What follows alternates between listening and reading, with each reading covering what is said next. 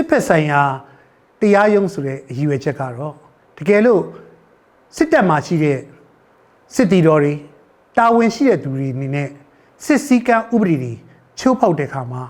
စစ်ဆေးနိုင်မှုကြားနာနိုင်မှုစစ်တပ်ရဲ့ဥပဒေတိုင်းအရေးယူဆောင်ရွက်အပြစ်ပေးနိုင်မှုအတွက်အများဆုံးရည်ရွယ်ပြီးတော့လှုပ်ဆောင်မှုရှိပါတယ်။ဒါပေမဲ့တစ်ခါတလေကြလို့ရှိရင်တော့အရေးပေါ်အခြေအနေ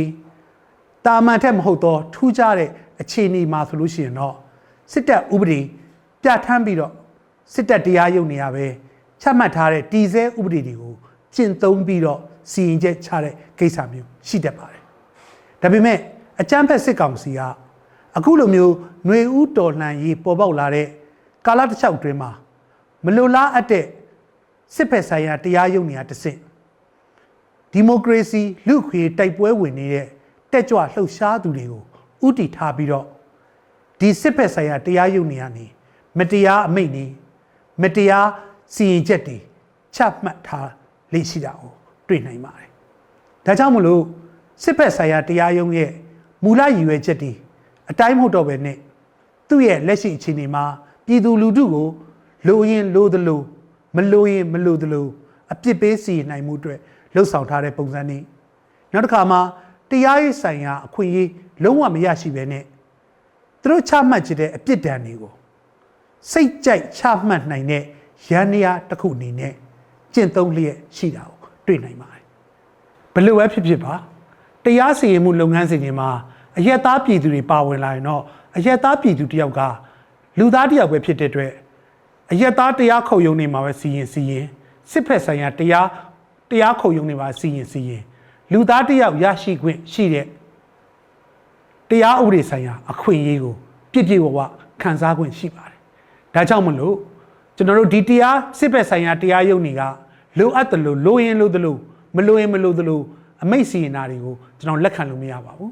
။အထူးသဖြင့်တေတံပေးမှုလှုပ်ဆောင်တဲ့စီရင်ချက်တွေစစ်ဘက်ဆိုင်ရာတရားရုံးမှာတော်တော်များများစီရင်ချက်ချတာတွေ့ရပါတယ်။အထူးသဖြင့်2021ခုနှစ် နိုဝင်ဘာလ29ရက်နေ့ကတော့တကယ့်ကိုဆွဆွဝါရရဆက်ဆက်နဲ့စီရင်ချက်ချမှတ်တယ်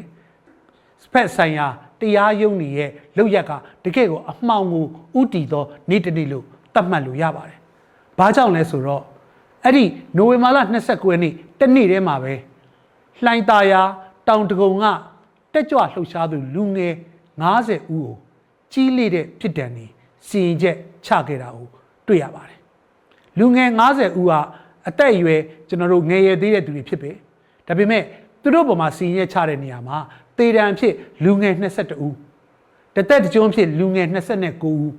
လူငယ်တဦးတော့ထောင်ဒဏ်20ချမှတ်ခဲ့ပါတယ်အဲ့ဒီအမှုတွေကြည့်တဲ့အခါမှာဒီလိုလူတွေကတရားရေးဆိုင်ရာအခွင့်အရေးလုံးဝမရရှိပါဘူးမျက်မြင်သက်သေသက်သေထွက်ဆိုချက်ရှောက်လွှဲချက် ခုခံကာကွယ်ပိုင်ခွင့်ဆိုတာလုံးဝမရှိပါဘူးဒီတရားရုံးတွေရဲ့တရားမျှတမှုကိုလည်းလာရောက်ကြားနိုင်တဲ့သူတွေမရှိပါဘူးတစ်ချိန်တည်းမှာပဲချမှတ်တဲ့အမှုတွေအားလုံးကတက်တေထောက်ထားခိုင်ခိုင်လို့လို့မရှိဘဲနဲ့မျက်မြင်တက်တေမပါဘဲနဲ့သူတို့လိုရင်လိုသလိုဆွဆွဲထားတဲ့လောက်ကြံထားတဲ့အမှုတွေကိုအသုံးပြုပြီးတော့ဒီလိုမျိုးကြီးလေးတဲ့အမှုတွေပြစ်ချမှတ်ခဲ့တာတွေ့နိုင်ပါတယ်ခုနလိုချမှတ်ခံရတဲ့တဲ့မှာ ကျွန်တော်တို့အမျိုးသမီးပေါင်း9ဦးကလည်းတေတံချမှတ်ခံရပြီးတော့အခုချိန်ထိတေတံကိုပေးနိုင်မဲ့အခြေအနေမျိုးမှာကြာရောက်နေတာကိုတွေ့နိုင်ပါတယ်ဗျစစ်ဖက်ဆိုင်ရာတရားရုံးတွေကချမှတ်ခဲ့တဲ့အမှုပေါင်းများစွာရှိပါတယ်အဲ့ဒီထဲကတကယ့်ကိုရင်နာစရာစိတ်မကောင်းစရာအမှုလေးတစ်ခုတင်ပြပါရစေဒါကတော့တောင်တကုံ56ရက်ကွက်မှာရှိတဲ့ဒေါ်ဆက်ဆန်းအေးရဲ့အဖြစ်အပျက်ဖြစ်ပါတယ် ဒေါ်ဆက်ဆန်းအေးရဲ့သားလေးဦးဖြစ်တဲ့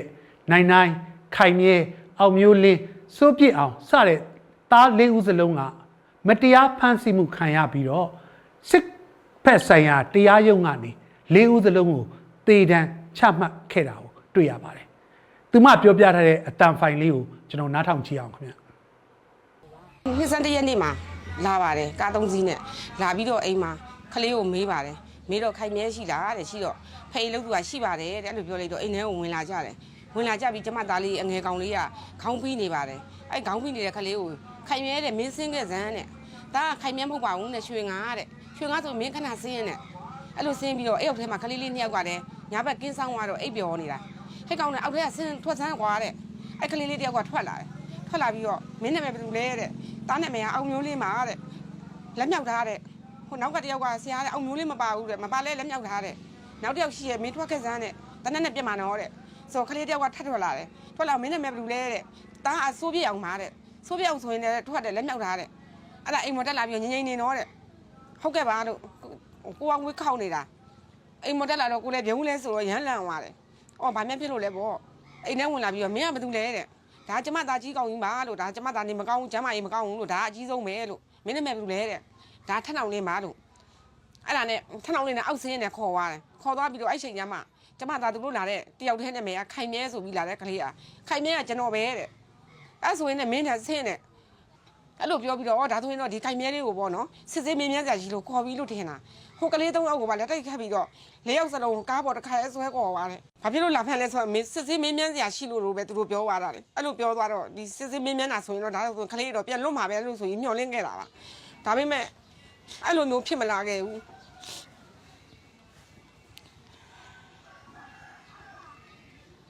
24ရက်နေ့မှာဒီအင်းစိန်ထောင်မှာစစ်ကုံရုံးမှာတခါတည်းကလေးတွေကိုတည်တံချလိုက်တယ်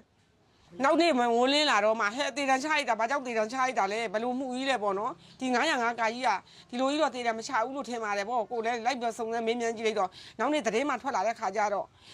လူတက်မှု300နှစ်နဲ့တဲ့ဒီ96ထိပ်မှာဖြစ်ပွားသွားတဲ့ လူတက်မှုကိုတဲ့ထဲလိုက်တာဆိုပြီးတော့တေတန်တစ်ခါလဲချပြစ်လိုက်တယ်ဘလို့မှလည်းဖြစ်ချင်းဝင်လည်းမရှိဘူး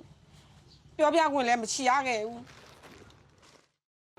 အခုကြားရတဲ့ဒေါ်ဆက်ဆန်းအေးရဲ့အဖြစ်အပျက်ကိုကြည့်မယ်ဆိုရင်တော့မတရားမှုတွေအများကြီးတွေ့နိုင်ပါတယ်ပထမအဦးဆုံးကတော့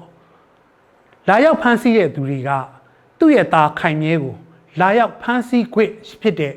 ဖမ်းဝရမ်းမပါဘဲနဲ့ဖမ်းဆီးသွားတာပထမဆုံးအချက်အနေနဲ့တွေ့ရပါတယ်